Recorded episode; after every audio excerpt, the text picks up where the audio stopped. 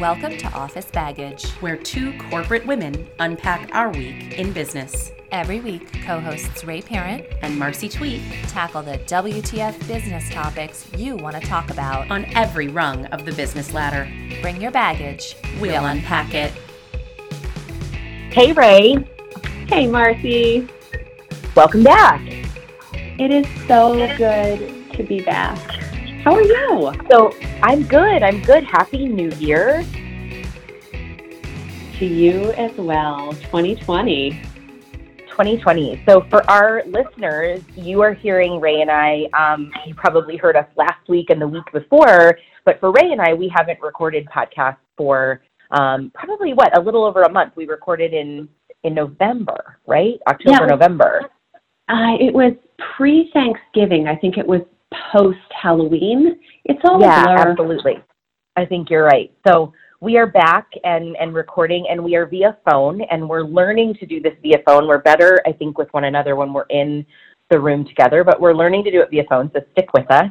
Um, and excited to hear, or I'm excited for our listeners to hear the conversation that we're having today with a dear friend and badass lady, Camille Virginia, um, you and I are going to intro, and then we'll go into the conversation that I had with Camille. Camille wrote um, an incredible book on offline dating, um, which is something that most people don't do these days, but she's doing fantastic things. So excited to hear us talk to her. But as you and I were talking about this episode and, and the guide to offline dating and the offline dating method that that Camille has, one of the things that kept coming up with her in my conversation, and you and I were just talking about, is this idea that we don't do anything offline these days, not just dating, but connecting and and having the right conversations as adults, as professionals, as kids, and it's really, I think, and you were saying, kind of holding back our society. Is that fair to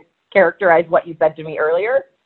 Well, I hate to be the um, old Gen Xer who talks about how our society is falling apart. It reminds me a lot of the way um, I would I would hear my parents talk about things. But I've observed with my children and with some younger relatives that, you know, from that young age through like teen, preteen, adolescent, the increased amount of connectivity that happens electronically, either through Snapchat or WhatsApp or through video games. There's so much less of that just go outside with the neighborhood kids and get dirty. And I always wonder how that impacts their ability to, to connect in a professional environment. And then I, I look kind of up the age curve a little bit to the teens all the way through, quite frankly, to my age where we have people dating. And look, I haven't dated in well over 20 years right now. Oh my God. But, um, you know, I'll say to I'll say to my single friends, like we'll be out somewhere, I'll be like, he's cute, like let's go talk to him. And there's no concept of that. It's more let's get online and see if he's on Bumble or Tinder or whatever. Um, and so uh, when you originally told me about the idea of offline dating, I was like, well, isn't that just how it's done? But I think there's really something to that. I haven't heard your interview with Camille, but I'm I'm really looking forward to it. Yeah, it's it's super super interesting, and you know, I think there's this. We talked about this on a podcast um, that we recorded in the fall, and it's part of why we had decided to go ask Camille to to be on the podcast was this idea of how we don't know how to have small talk anymore. We just, you know, we stand in in an elevator and it's like we don't know what to say to people. It's funny. I'm I'm I'm guilty of this myself, and we are not chiding the world for things that we don't do. But it's I was in an elevator um, the other day, and a woman in my house or in my apartment building, and a woman said to me, "Oh, how are you doing? I know you guys had like." Moved for a little bit and then you're back and I literally had no idea who this human was. And I'm like, what the heck are you talking to me about and how do you know this about my life? And I was like, oh yeah, you know, we we did I did a little stint with a, a group in Milwaukee. We're back. It was, you know, the whole thing. That was last year. And I walked into my house afterwards and Charlie was here and I was like, Do you know a gray haired woman in our building? He's like, Oh yeah he's like, she's really nice. I talk to her all the time. I'm like, are you kidding me? And so apparently Charles is uh is mastering small talk and connection with people, and I'm failing miserably at it, being you know the person who supposedly wrote a book on networking. So it just it happens to everybody. This is kind of where we're at, right? I do think. How do you deal with this? So we were talking about. Um, I read this thing on HR Mom, who I just found on Facebook. Um, I'll, well, link the page in the description, but her Facebook is Melissa B. Griffin HR Mom, and she posted a post yesterday about managing technology with her children as a parent. And I'm interested in how you do this with your kids because your kids are miraculously really tech savvy and they know everything that's going on on YouTube and they're really involved in that, but they're also really engaging people. And this gal, HR mom, talks about how some of the things that she makes her kids do are like call and make doctor's appointments for her or um, you know, call and pay a bill. That that's part of their chores instead of just cleaning the house. They're contributing in this way of being able to learn how to talk on the phone and learn how to, you know, be in charge of their devices. So she said, have them conduct basic internet research for you. Examples, have them find a cheapest rental car company for your vacation. Have them pay medical bills when they come in. Have them call and schedule their own haircut, doctor, and dentist appointments like these things sound so stupid, but kids don't do them. So I'm interested in your reaction to this as a parent.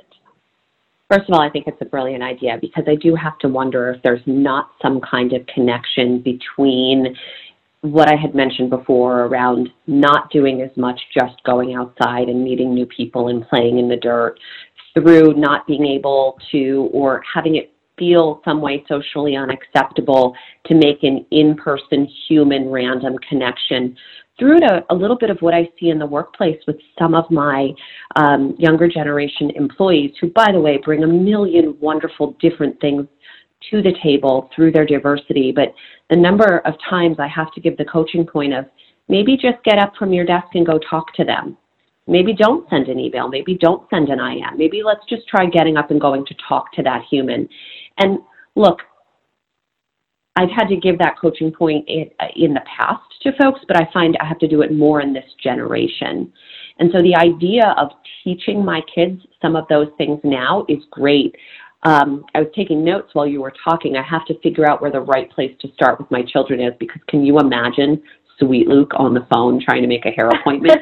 He'd say F it and tap out like 25 seconds into the hold music. But and they I might not be some- at that age. I mean, I would think, I think as I'm looking at HR mom, her boys are more like teenagers. And Yeah. so, you know, but good, good advice nonetheless. But it starts, I think, with little things around human connection. I make my children, as simple as it is, if we're somewhere, they need to order their food using pleases and thank yous. When we go through airport security, they need to talk to people. They need to hold open doors and make eye contact and say, have a nice day. And little things along those lines around human connection are things that I very much try to reinforce. That's really important. And I think it's so easy for kids to get buried in their phones. And frankly, we're guilty of it as well. I was, you know, home over Christmas, right, with all of my nieces and nephews, um, all seven of them in different times and in different places. And they'll pick up their phone, right? The, the older ones, especially, they'll pick up their phone. And the instinct for you is like, well, someone else has picked up their phone and looking at it, so I'm just going to pick up my phone and look at it. And you really have to combat the urge to do that and say, nope, I'm going to keep, I'm going to keep on here and I'm going to ask five more questions until they put their damn phone down and they talk to me, right? And so it just it takes that time, and I'm sure I'm as guilty of it as anybody else. That my younger nieces and nephews probably see me on my phone and and don't engage with me as much, and it's that it's hard to put down the phones, put down the devices, and like play a game or have a conversation with one another, and it, it's really it's a struggle, and I think it's a more than anything, and I think this goes to the conversation that I'm having with Camille is it's a muscle that we have to exercise. And if you don't exercise the muscle, you will forget how to do it. I think you're spot on with that. And it is sometimes a little bit um, uncomfortable, particularly when you feel like you're the one in the room who's forcing the issue. Uh, be that in a situation with family, where, as you said, you continue to ask question after question, waiting for whomever it is to put down their phone. Um, you know, I, I don't know. I personally always feel like I'm, I'm bothering folks when I do that, but it is hard because even when you manage to break through and everybody puts down their phone, we, we found this over the holiday as well. We had a couple phones down days. We were playing Scrabble, and very quickly it's like, okay, well, is, is something a word?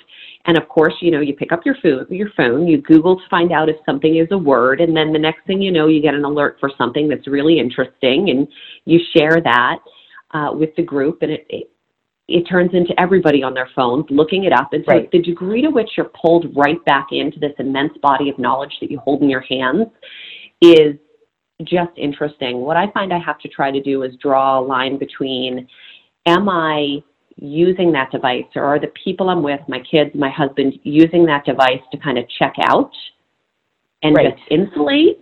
Or are they, which look, there's no greater anesthesia than like picking up your phone and, and scrolling through social media, world's biggest time suck? Or are we using it as a means to connect, to have a more thoughtful conversation, to research things? And that can be a little bit of gray space sometimes, but it's something that I try to think about because having phones down days all the time isn't always possible. Right. It's interesting. So Charlie and I finally broke down. So I spent two weeks at my mom's house um, over the holidays, and my mother has um, an Amazon Echo, and I know you guys have a, a Google Home system at your house, and we hadn't had one, and it was something that Charlie and I have talked about buying, and we just hadn't, and I really enjoyed it while we were at my mom's house, and so while we were there, I bought a couple. I bought one of the bigger units for our downstairs and a, a small Amazon Dot for our upstairs and we've hooked them up and so we've had them now for you know two weeks. And i find that it has actually made my connection to the world stronger because it's exactly what you're saying. So if i want to know what the weather is tomorrow and i pick up my phone and i open the weather channel app then i'm on my phone for 20 minutes right? Because i wanted to know what the weather is but then i'm distracted by my facebook or my email or whatever. And i find myself asking the amazon echo saying alexa you know, oh, and she's lighting up now as I talk to her because I'm sitting at home. I'm not talking to Alexa. Um, So you you know, I find one. myself asking her about the weather. I find myself asking her. She plays the news for me, and it's really interesting how um, something so technologically advanced can keep you so engaged in in your kind of life and and world. And you know, Charlie is laughing at me because he, you know, Jeff Bezos now knows everything that's going on in our world. Um, but you kind of give up some privacy, I think, when you do it. But it's been really interesting to watch it work in our lives. So it, it is encouraging me to put down my phone. It's also been encouraging me to watch less television and listen to more music um, because it's right there and I don't have to work at it. Where I'm somebody who will put on the TV instead of putting music on in the background, and it's been great. Yay me! I love it. I love it for playing music. You know, we spoke a couple minutes ago about how my kids are relatively technologically advanced. And one of the things that just blows my mind is how polar that skill can be. So, you know, sometimes they show great amounts of, of technology skill, and other times they do things. And Chris and I just look at each other like, why are they this thick headed sometimes? So last night is a perfect example. We use our Google throughout the house to communicate with each other because, you know, sometimes it can be, you just can't yell um, that far. And um, so, you know, you say, hey, Google, broadcast message, and you can broadcast it throughout the house. My kids don't realize they each have, oh, shit. Did you hear my Google See, it did it. broadcast? I didn't realize that he had one in here. God damn it. And now I'm broadcasting profanity across the house. Google, cancel. God damn it. I think it's broadcasting the whole podcast. Okay, I think we're good. anyway, I thought I was in safe space. This So- is us broad- broadcasting from our homes, doing our best not to tip off our, our tip off Jeff Bezos and, and Sergio or whatever that we are we are here. So uh, Chris and I are downstairs watching the Patriots game. The kids are supposed to be asleep. It's 9:30 at this point. And they go back to school tomorrow, so they need to start getting to bed at a reasonable hour. And we hear them running back and forth, and then they finally settle into their beds, right? And then we hear, hey, Google, broadcast message to Maya's room. And Luke's telling her to like listen to the Baby Yoda song. God damn it, I did it again. And Maya's responding. And so finally, Chris and I have to broadcast message like, we can hear you. And then they're broadcasting back and forth to each other still about how. Oh my God, that's so cute. It's and so I've cute. told you this before. Like, what, my kids, when they misbehave, it's usually something like that where it's not serious. And the number of times the next day or like an hour or two later, I go up to them and I'm like, guys, I know what you were trying to do, and here's how you do it. because I just feel like they need a better skill set for getting away with stuff. well, they they do. You know, they got to figure it out, and sometimes it's not about taking the shortcut. They got to do it the hard way. So it's great. Right? Well, I think this was a good introduction to the conversation that um, you're about to hear for our listeners with Camille Virginia. Um, stay tuned. Tell us what you think, and we would love to hear if Camille's um, networking tips help you, but also for those of our listeners who are single and mingling in 2020, tell us if Camille's dating um, tips worked for you. I'd love to hear the stories.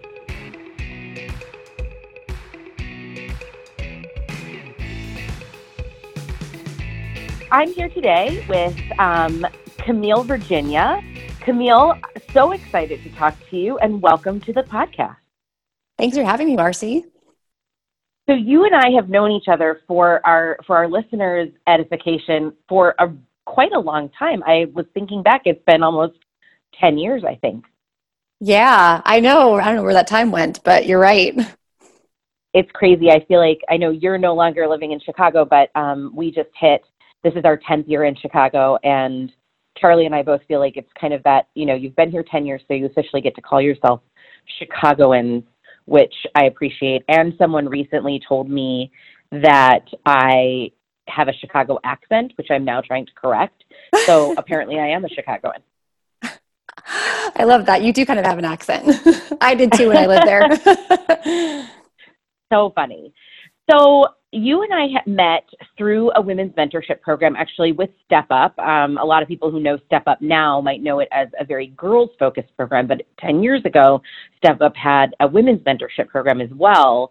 And I, I always felt like you had a real commitment to women helping women, whether it be personally or professionally. And you've really taken um, a large leap over the last few years of bringing this women helping women mentality to your all day, everyday kind of life. So let's kind of start, give our listeners an overview of your business that you do today and kind of how that business began. Because I know when you and I knew each other way back at 10 years ago when we first met, you were thinking about this and you had some knowledge of what works, but you hadn't yet started the business. So take us on a little bit of your business journey, what you do, and how it started.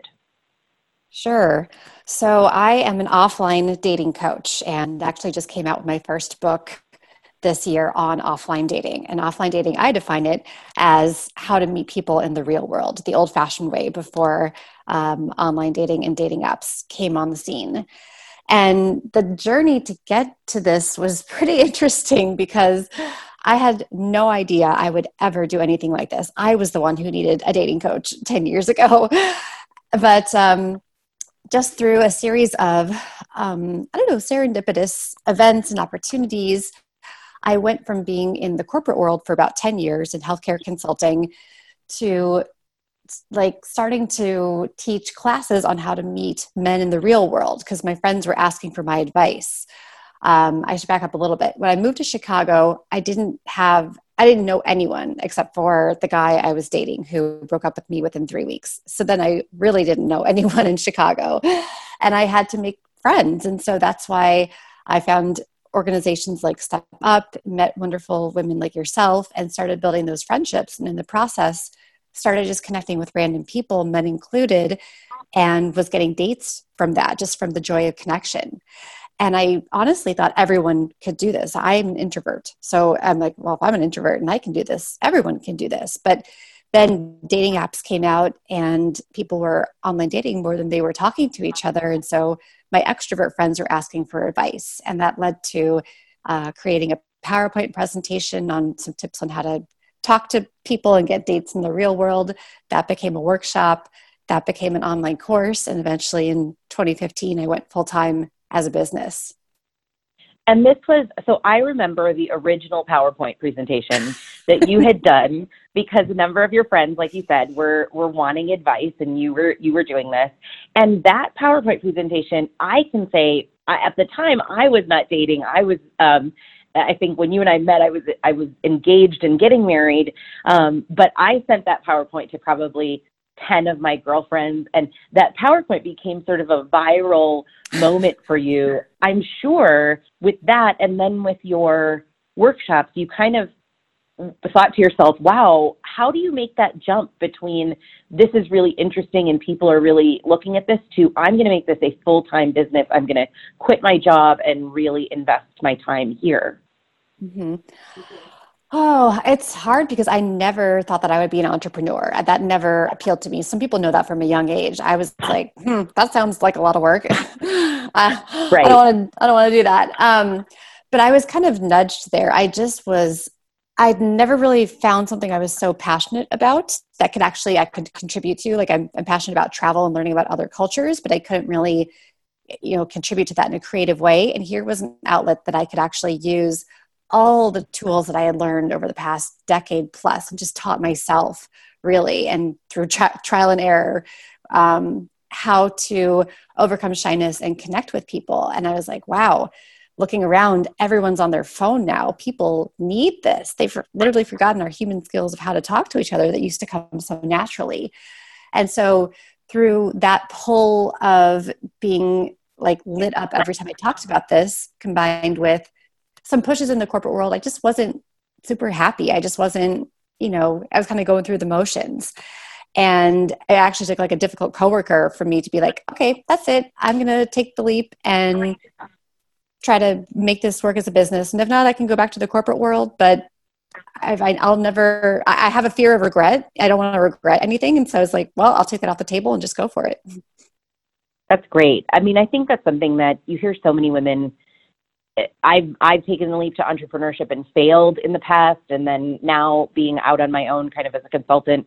And admittedly, I've I've said it on this podcast in the last few weeks. I'm kind of one foot in, one foot out on whether or not I want to be a consultant in the long term, or whether or not I want to go back in house. But the thing that I think is really empowering about that that women don't always take into consideration is the worst thing that happens is you go do something else if it doesn't come together, right? And in your case, it, it really has. You've, you've taken off, you've got this great business, incredible book, um, and lots of great things have happened for you. So, you know, you kind of roll the dice and see where it goes, right?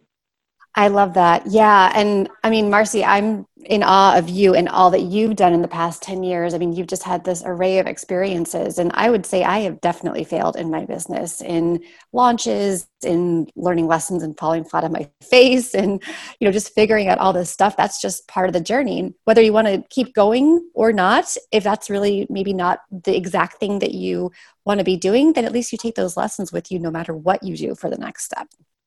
Absolutely.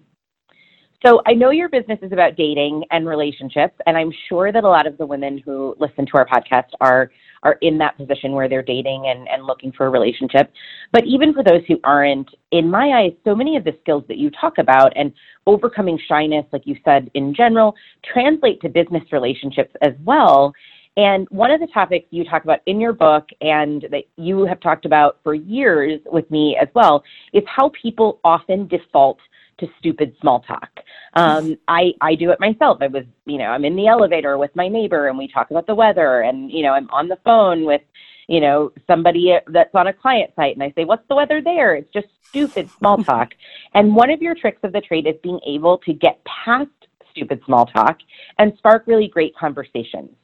So give our listeners the how to. How do you do that? How do you get over the weather and and you know what you did yesterday and get to conversations that really improve relationships whether you're in a place where you're looking to improve dating relationships or friendships or business relationships well, I think small talk serves a purpose. It breaks the ice. It gives the other person, whether you know them or are just meeting them in that moment, a way to either opt into the conversation or opt out. So I think it's a great way to just kind of dip your foot in and be like, are they going to engage? Do they want to? Am I bothering them? And then see how they respond. So that's great. I think the problem is that, like you said, people get stuck on that and they don't know how to get off of it. And then it's just, I mean, one of my definitions of hell is just being in a small talk conversation that no one cares about. yeah. So, um, my trick to that is to simply ask once the icebreaker topic dies down, which it will, um, how's your day going? And that is just a simple enough question where if they were just engaging in the small talk to pass the time in the elevator or um, whatever it was to be polite, they'll answer with a short question or something and they won't ask you, How's your day going back? And then that's the end of the conversation. It's very natural.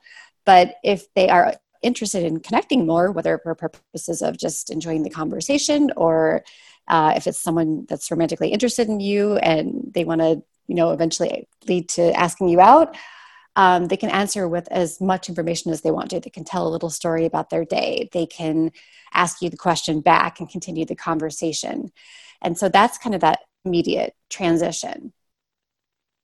It's very different but very subtly different from saying how are you today? Right? Because if you say how are you today? you're inviting fine mm-hmm. or good or whatever if you say, How's your day going? it gives someone an opportunity to think about how they really are. And then, like you said, answer that question even further. So, where do you go from there? If you say to someone, How's your day going? and they say, It's great, and you want to connect more, what's the next step in that small talk question? Is it kind of, if they say, It's great, I'm doing well, do you kind of let it go, or how do you keep that conversation moving? I would say feel into that response. And if you feel like maybe they're just shy, but they're kind of interested in engaging a little more, maybe they don't know how, I would probably ask, what's the best part of it so far? And that will elicit a response that is, I mean, first of all, they haven't thought of that. Eh, no one goes around thinking, what's the highlight of my day? I mean, it would be great if we all did, we'd be in a better mood. But to just ask them that question puts them in an immediately good mood and makes them reflect. And it's an enjoyable, it's a fun question to answer. Like, well, what is the best part of my day? I don't know. Um, and so then when they share that answer, they're actually, you know, people love to talk about themselves when they, they feel safe doing that. And so they're associating that joyful process, even if it just happens in 15 seconds, with you. And to, to actually have someone pay attention to you and ask a question that's meaningful and that you actually want to hear the answer to, because people can tell when you ask a question and you don't care if whether right. they answer or not. So when you say with the intention of no, really, tell what's the best part of your day? I'm I'm curious. I'd like to know more. That opens up the the connection a lot more and especially now because people are so starved for this kind of genuine connection even if it's just simple questions like this that uh, people are usually craving that and it can lead to great conversations Absolutely. And it's funny, as you were talking, it reminded me, and it's funny, I may be quoting you to you, so forgive me, uh, because I listen to things when you're on on TV and all the wonderful places that you've been, but I never remember if it's you or someone else who said this. But someone recently kind of came after the idea of saying what's new in a business conversation and said instead of saying what's new, you should say what has been keeping you busy lately Mm. And I thought that was a very similar thing that if you say, What's been keeping you busy lately? you can't say stuff or, you know, not much or whatever it is. You actually have to think about what's been keeping you busy lately. And it's those same kinds of things. And I think those kinds of subtle adjustments that you can make instead of saying, How are you? say, How's your day going? Instead of saying, What's new? say, What's been keeping you busy lately? can keep conver- can start conversations on a on a good foot. I love that. Yeah. And I would say for anyone listening, choose any one of these questions that we're talking about that you actually care about.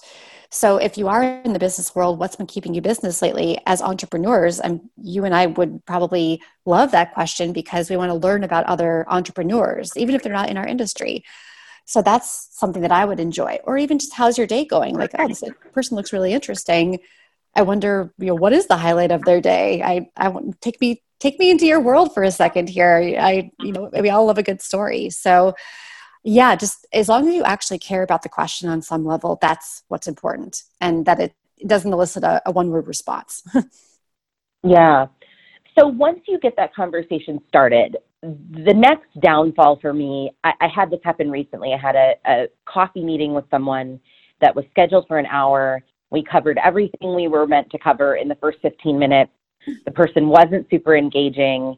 And at the end of 15 minutes, I thought, oh my God, how am I going to sit here with this person and have more conversation for the next, you know, 30 or 45 minutes? So talk about getting through once you've gotten through the stupid small talk and you've asked those questions if the conversation hits a lull or hits a place where you feel awkward or unprepared then what are your tips and tricks to kind of get out of that whether you're in a dating situation or or something else well i'd say it, it's contextual. So in that case um, if the, the person knew that you guys were going to be there for an hour and they weren't getting up to leave even though everything had been talked about that needed to be talked about then it might be a case of shyness. They just don't know how to how to continue conversations which is very very common these days.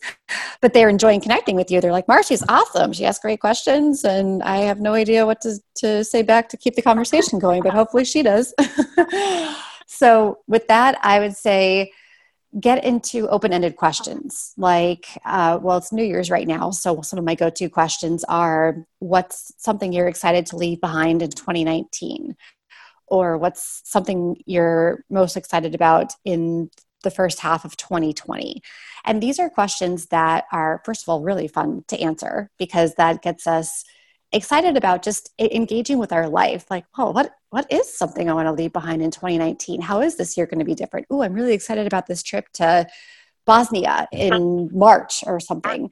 And then they get to talk about something that they're excited about. And meanwhile you get to listen to stories uh, listen to someone telling you about their upcoming trip to bosnia or how they um, you know ended a toxic relationship and they're so proud of themselves and they're open and ready to love again next year so those kinds of things. And those yeah. are not something that people can pre-plan. So you're you're going to catch them in the moment as long as you've created that safe space for them and and, and say those words without judgment and say, no, really tell me, I'd love to know, then people will open up big time, especially because we're so starved for this kind of connection. So um, that would be my, my first tip is to ask open-ended questions like that. Awesome. I love that, especially thinking about what are you leaving behind in 2019? That's a great question. I think I'm going to ask everyone that I talk to this week that question. It's, it, that's fantastic. Um, so one of the things that you talk about a lot in in your dating is how to make yourself appear open to this kind of conversation. And you have a funny story because you once got a date because I stood you up and I know how you did it because I've watched you do it because you managed to get people to talk to you in situations where other people don't talk to people. So tell that story and talk a little bit about how in public places like the grocery store and at bars and you know wherever that you get people to talk to you and start those conversations especially for those who are looking for that romantic relationship in 2020 yeah, I love that we're talking about this because that was a great story. I put it in my book. Um, didn't name you, Marcy, but uh, but it's the one with the puddle for anyone who's read the book. so I yeah, I had showed up. I think you were sick or something like that, and that happens. You know, that, that's okay. But I I was I had gotten there early, so I already had like a glass of wine. I was like, well, I'm going to enjoy this glass of wine, and then we'll see what happens. And so I was sitting at the bar and this guy comes in out of the rain and it's like pouring outside. And he comes in and he stands next to the bar and he's shaking off his umbrella. And he's like, Gosh, I almost fell in nine different puddles out there. And in shaking his umbrella, he had gotten his, like, it had pooled water around him. And I was like, well, don't make it 10. And I pointed to his, his feet in the puddle. that could have gone either way. He could have been like, wow, she's rude or um or you know what it, what happened is he's like oh my gosh you're right and we started talking. So it's it's just saying a small quip. It's being yourself in the moment. Those things that those thoughts that we have in our head that we don't always say and or we don't usually even say out loud. I was that's what i was thinking in my head so i just said it. And i, I call that my mind to mouth move. So the next time you're thinking something as long as it's not negative or judgmental about a situation or about someone even if it's you're not saying it to anybody, just try saying it out loud before you can overthink it. Because that's that's what happens when we that can prevent us from talking to people is we start overthinking what to say. And I work with a lot of clients who they're like, well, I want to craft the perfect thing to say. So it comes out naturally. Well, if you're crafting it in your head, it's not going to come out naturally, and you're going to the fear will build up every second that you hesitate. So, yeah, just say it. well, I think that's so hard, and I think it's great advice to to just talk to the people around you. And what's the worst that can happen? You you say that to that guy, he rolls his eyes and he sits down, and you never see him again as long as you live, and who cares, right? Mm-hmm. Um, or he starts a conversation with you.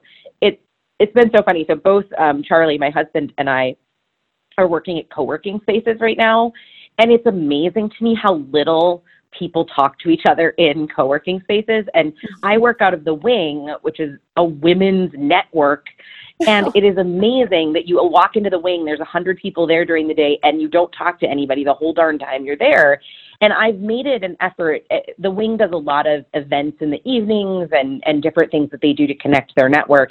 And I've made a real effort to try to talk to the women there and at least say good morning and how are you and what are you working on today a couple of times throughout the day because it's like we're supposed to be here being a network and we're all sitting looking at our computers and hearing each other's conversations a lot of the time when we're on phone calls or, or meetings but never actually engaging with one another. And I find it so strange. So I'm taking some of your advice to the wing when I'm there tomorrow and, and going to ask people more questions and engage in more conversation, even if it feels forced.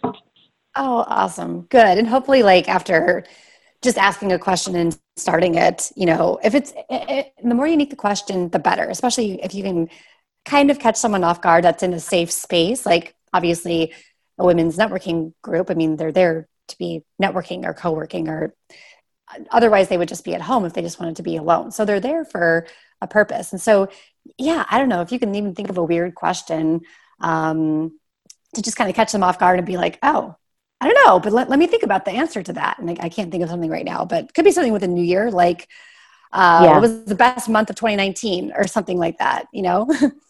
Oh absolutely so it's interesting. I have I'm way off track on the topics we were going to cover, but I, this just occurred to me. Have you gotten pushback, Camille, on not necessarily on your concepts or your book, but all of the things that have been in the media in the last couple of years on kind of street harassment and and sort of the the Me Too movement and all of those kinds of things, because it is. I think there's a hesitance on the part of of men and and in some ways in good shape you know um to talk to women that they don't know and to approach women that they don't know um in the sense of you know we complain about getting hit on at the gym right? But then we wish we could meet someone in the grocery store. And how do you walk that fine line? I'm i'm just fascinated to know how your thinking has evolved on this as as there's been so much media about street harassment and women getting hit on, and then this whole kind of shoot your shot movement and all of that too. Mm-hmm. Yeah, I think I think the Me Too movement has been great in many ways. I think it's called out bad behavior that's gone on for way too long. Unfortunately, I know a lot of really great guys who, uh, as you said, are now hesitant to approach women because they are they already had the respect for women, and now they don't want to get, you know, charged with sexual harassment. So that's why, if anything, it's more important as women for us to give them that safe space to take the lead. It doesn't mean that as women we have to take the lead if you want the guy to take the lead, but you need to now, if you want to attract a good guy who's respectful of women, create that safe space, give the signals. And I have a whole chapter in my book dedicated to how to be approachable, um, whether that's tips of just how to dress for confidence so you feel good, how to relax into your own body, body language, eye contact, smiling, um, feel free to initiate you know just say hi to someone if you notice them kind of looking at you and and start that permission because yeah you're right. I work with a lot of women who say well you know this guy was so creepy at this party when he was talking to me but i never get asked out. It's like well you can't have it both ways. You need to decide right. which which you know make a decision here of do you want to be open to connecting? Because yeah you're going to open up that portal and not everyone who talks to you is going to be your soulmate. That's just a fact, no matter what time we're living in. But just Right. start engaging and feeling into your intuition. Are you getting a creepy vibe from this person? Is there an ulterior motive? Are you uncomfortable? Then permission to disengage. Don't even need a reason. You can just be like, hey, have a good day. See you later. But you're never going to find those good guys unless you want to swipe and stay on online dating, which I'm sorry, but people behave way worse online than they do Oh, in person. absolutely. So, yeah. we've got to work with what we have here. Um, it's never going to be ideal. And there's maybe one out of every 20 guys that I have talked to on average has been, you know, a little forceful or disrespectful or even just uncomfortable. But for the most part, people are really nice. And if you just yeah. Get comfortable in your own skin and feel into each situation individually as opposed to mes- memorizing steps and going through them but have kind of a you know have some stuff in your back pocket like the how's your day going? and things like that. Some tools you can use in the moment but feel into it. Are you uncomfortable or are you actually enjoying it or a little nervous in a good way Absolutely. It, it you made me feel better because it's been a big topic in Chicago. So, in, I don't know if you followed this at all, but in November, a UIC student, 19 year old girl, was um, strangled in um, near UIC in, in the kind of West Loop, Southwest Loop neighborhood. And what came out is that the guy who killed her had, I don't know what he said to her, but the cameras on the street showed that he had talked to her and she ignored him and he said he was angry that he was being ignored and he followed her and and killed her. And those kinds of moments you know when you walk down the street and a man says you look nice today you worry right? If you're going to say thank you and start a conversation with him or if he's going to follow you into a parking garage. So i think you're you're giving women i love your take on it because you're empowering women to say you can start the conversation about consent by smiling and starting the conversation with that person. And then he knows that it's okay to talk to you and that it's okay to have that conversation. And you're you're being in control of your own your own power in that moment. Yeah, and I may get some flack for this, Marcy, but I'll say it anyway. In the case of that, if so, if a guy said you look nice today, I you do have choices of how you can respond, and you are not obligated to respond. But it has made me personally feel safer to acknowledge it, say thanks, look at them, which by the way makes them realize that you can identify them later if they attack you, and right keep and keep walking and remove myself from the situation so it doesn't escalate. There's acknowledgement and is that absolutely 100% gender equality? No, it's not. But we still have a long ways to go in that. And, and frankly, women are, we're the fairer sex, that men do attack women more than women attack men. That's just what we're working with. So that's just how I would respond. And not to say that that would have prevented her from being attacked, because obviously this guy had major issues that had nothing to do with her. But that's Right. what makes me feel safe in the moment is to acknowledge, look, and keep and remove myself from the situation. Yeah, same. So let's go sort of back to our, our planned conversation. And you actually mentioned this um, as we were talking in the last couple of minutes. A lot of what you talk about is about um, being confident enough to to dig deep in conversations. But I think for women, for better or for worse, they wish it weren't. Um, confident is sometimes really heavily tied to the way we look. And I know I've been guilty in dating years ago, and I'm guilty of it today in in even business and friendship relationships. I don't feel confident unless I look a certain way, unless my hair is straightened and I have makeup on, and you know all of those kinds of things. So you have some really good tips here, and I'd love for our listeners to hear them about how women can dress for confidence in a conversation and how you can really make yourself feel confident enough to employ the kind of tactics that that you're talking about. Sure. So, yeah, I say to dress for confidence in a conversation. And what I mean by that is dress for you, first and foremost, dress in a way that makes you feel confident because so often now we've just trended towards casual. And so when we go to the grocery store or the dog park or the drugstore or the post office, we're wearing sweats or yoga pants that are, you know, kind of frayed or we don't have makeup on and our hair's a mess. And that's fine, but that is not putting you in a position to have confidence in the moment. I've heard so many stories from clients, and myself included, where I just wasn't prepared to talk to people. So you find yourself talking to a cute guy in the cereal aisle of the grocery store and you are just not proud of how you look and so you're you're kind of shrinking away from the moment whereas if you had just done whatever feels right for you, whether it's maybe it's just straightening your hair and no makeup and that makes you feel 10 times better. Um, you know, finding something that gives you confidence in that moment ahead of when that moment might happen can go a long ways. So that's really important. And then dressing for a conversation, this is how to be more approachable and kind of encourage someone to come up to you is wearing something that stands out a little bit. So I have like a bright red coat and I have it in green as well. And when I would wear those in Chicago, you know, like 99% of people have a black coat for winter or fall. And here I am right. with these like brightly colored coats. And people would always comment, men, women, um, you know, not for romantic purposes always, but it was a great conversation starter. I stood out a little bit. It showed off my personality. So you could wear like vintage jewelry or a graphic t-shirt or your favorite sports team cap or something like that. Something that shows off your personality that makes it really easy for someone to come up and comment on that thing, which is a very safe topic to start a conversation with. Absolutely. And it helps with, it's so funny. You and I should go on like a, uh, you know, road tour on, you're on the dating side and I'm on the business networking side. I haven't been in the networking world for a long time, but I, you know, I wrote a book about it many years ago.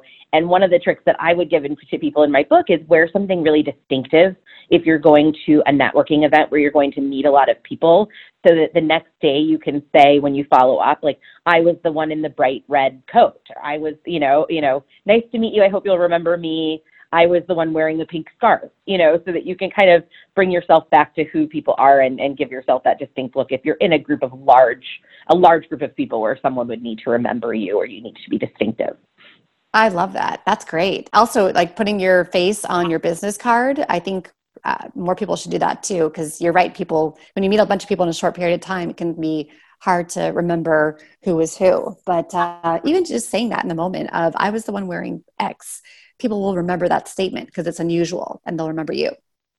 Oh absolutely. So one of the other things you talk about in your book is the importance of keeping your script and your tone the same and i'm so fascinated by this. What do you mean by that? Talk about script and tone.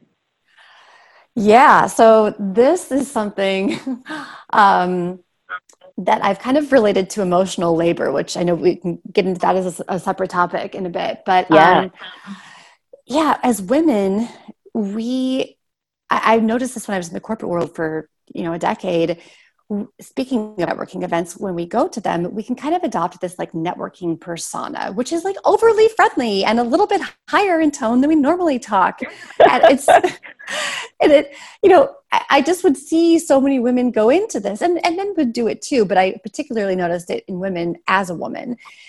And it just was it was i thought that's just what you did and then i realized i was like god no one enjoys keeping up that level of enthusiasm unless it's like really genuine. Of course, we all have our enthusiastic mo- moments in conversations, but to constantly be so happy, oh my gosh, tell me all about you. I love your scarf. Like that kind of thing is just like, whoa.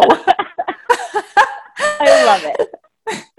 so you wouldn't say that to your best friend. You wouldn't come up and be like, oh my God, blah, blah, blah, blah, blah, blah, blah. You know, you'd be like, hey, what's up? How's your day? Tell me everything. Give me a hug. You'd be very casual. And so to just adopt that same tone and script, which will obviously change moment to moment, but um, with everyone that you talk to, talk to people like you're already friends with them. What would you turn and say to your best friend? Not how do you hype yourself up to go join that group of people and like go into conversation battle? Don't have that mentality. yes, I love that. It's funny. I have a really good friend who my husband would say has no tact. She's just one of those people who is very blunt. You know, when she asks the waiter for water, it's like, could I get some water? And it's like she doesn't mean to be a jerk and she's not trying to be. That's just who she is. Mm-hmm. And it drives my husband up the wall. And we were talking about it just the other day. And I said to him, I'm like, the thing I love about her is that then when she says to you, like, you look fantastic today, you know damn well it's true because mm-hmm. at least you know she's never one of those people who will say something that she doesn't mean. So it's kind of you know walk your talk in in the same way as well i love it Yeah, exactly. And I I think that that is so true. It holds more weight when people when people just speak their truth and people trust you more because when you feel out of alignment with someone because either they're nervous and they're coming off as overly excited or they're giving you compliments because they don't know what else to say in the moment and you can feel that it, it's not yeah. malicious but it just is uncomfortable and it makes it hard to open up whereas someone like your friend sounds very grounded and you know you can tell right away like cool she's if she asks me a question she probably wants to know the answer and that Absolutely. creates that space to open up it does yeah it's i think it's really really hard for for women in general i think we've been taught our entire lives to feel to be polished to be perfect to do all these things. And so you think you have to be on as it were you know all the time. And i think it's so powerful to be able to drop that that hey there how are you? like you said kind of thing um, and be be real if that's where you are in that day. Yeah exactly. so you brought it up. Let's continue the conversation let's talk about emotional labor. Ray and i have talked about emotional labor on this podcast more times than i can count but you have a really interesting perspective on the topic. So how do you see women falling into this trap of too much emotional labor and how do we step back from it? So, emotional labor, uh, I had a client use this term a couple years ago, and I hadn't heard of it until then. And I looked it up and I was like, oh my gosh, this originally it was coined in the 80s by Arlie Hochschild, and it had to do with work. And so, usually it applied to women, and it was roles like receptionists or waitresses who were public facing and had to be on all the time because that, you know, right. a customer could yell at them and they'd be like, ah, have a nice day. And emotional labor is basically the energy required to bridge the gap between how you actually feel and the persona you're presenting to the world. So the more miserable you feel and the more you have to be overly friendly, the more exhausting it's going to be. And it's basically I in my book I took this and applied it to all situations, not to work, which I don't know how Arlie feels about that, but, oh, but whatever. um, and it's basically taking care of other people's feelings at the expense of your own. And a, lot of it is not even being asked of you. I mean, yes, in the job role, that is part of the job as a waitress or receptionist or roles like that, where you do need to be overly friendly. Um, and some people just deal with that better than others. But in your personal life, going to a networking event and being overly friendly, no one's asking you to do that. Yeah, don't be rude, but there's a lot of gray area in between. Right being rude and being overly friendly and and kind of fake even if you're not intending to to come off that way so it's all about energy. The more energy you're expending to be to project someone a persona uh, a personality that you are not that that's different from how you actually feel the more exhausting it's going to be. And i actually drew a graph of this in my book because i was like i need a visual of this. And it's just you know we, it's a up and down line like a sine wave of our emotions throughout the day. And on one end is just the persona you're projecting is cuts across the line and there's a lot of gaps where the energy needs to be expended to bridge that gap. And then in the, the other version you're the line of how you feel and the line of how you're presenting yourself to the world are in sync and there's no energy or very little expended. So um yeah it's just it's catching yourself being like am i am i feeling drained from this conversation? Why? Is it because right I'm expending energy that is not being required of me, but I'm falling into that networking persona habit mode? Or is it because the other person is really boring or what's going on here? So explore that. To make a blanket statement, especially as an introvert, and say, well, I just don't like talking to people, that's not true. Introverts love meaningful connection and, and extroverts, mm-hmm. you know, love connection too, obviously but it's just a type of connection that can be draining not connection in general so so dig into that and see what that is for you. Right. Common misconception between introverts and extroverts right is is that they either don't like people or, or like people and it's really all about energy and where where you draw your energy from. And i think and i'm an extrovert you're an introvert but I, I i think that those kinds of emotionally laborious conversations where you are all give and the other person is all take are probably more draining for people who are introverted than they are even for people who are extroverted. Um, and I think you have to take in that take that into consideration in the relationships that you're building, whether you're talking to someone as a, a potential spouse or you're talking to someone as a potential boss. Um, I go back to interviews with with former bosses where if I had done the homework on emotional labor before the interview, I probably could have seen the red flags, but today not so much, right? Mm-hmm. And so it's finding those places to watch for that labor and where you're doing it and when you can shut it down. Mm-hmm. Yeah. And if you just start paying attention, like this awareness that we're calling to it, you're going to notice it. And maybe at first you're just like, oh, I'm so drained from this conversation. And you don't know why, but at least now you have a starting point for it's not because of the conver- because you don't like talking to people. Find out what that is for you. And, and it might be d- different for introverts or extroverts, but um, to even just be aware of that and dig into that and see how you can change it too. And, you know, ask better questions or, maybe the other person knows that you're tuning out and they're not opening up so pay better attention become a better listener which that's the longest section in my book is how to be a good listener right which is very hard most people are either a waiting to talk or b waiting to look at their cell phone it's true yeah and it, through a process of what i call the empathic listening technique which is like visually listening to people um, it, it's you can change that habit pretty quickly. But that's where it comes into play with where you introduce topics and ask questions that you actually care about. And if you think about it like story time, when someone launches into a story, as long as they're not the most boring person in the world and they have something interesting to say, we're, we're wired to pay attention. Like we, as kids, we loved story time. So think of conversations right. as story time where you get to ask a question and let the other uh, make it a good one just unique in some way that the other person can engage with and then sit back and listen to the story i mean as an introvert that's like ideal conversation right there someone opening up to me and telling me a great story right and ask questions i love asking questions about the story i mean I love my favorite thing, you know, as you know, Charlie and I are huge travelers. So I love hearing about people's vacations. And I will ask people like an inordinate amount of questions about their vacation. Like where did they go and what did they do? What was the best food and what was the best wine?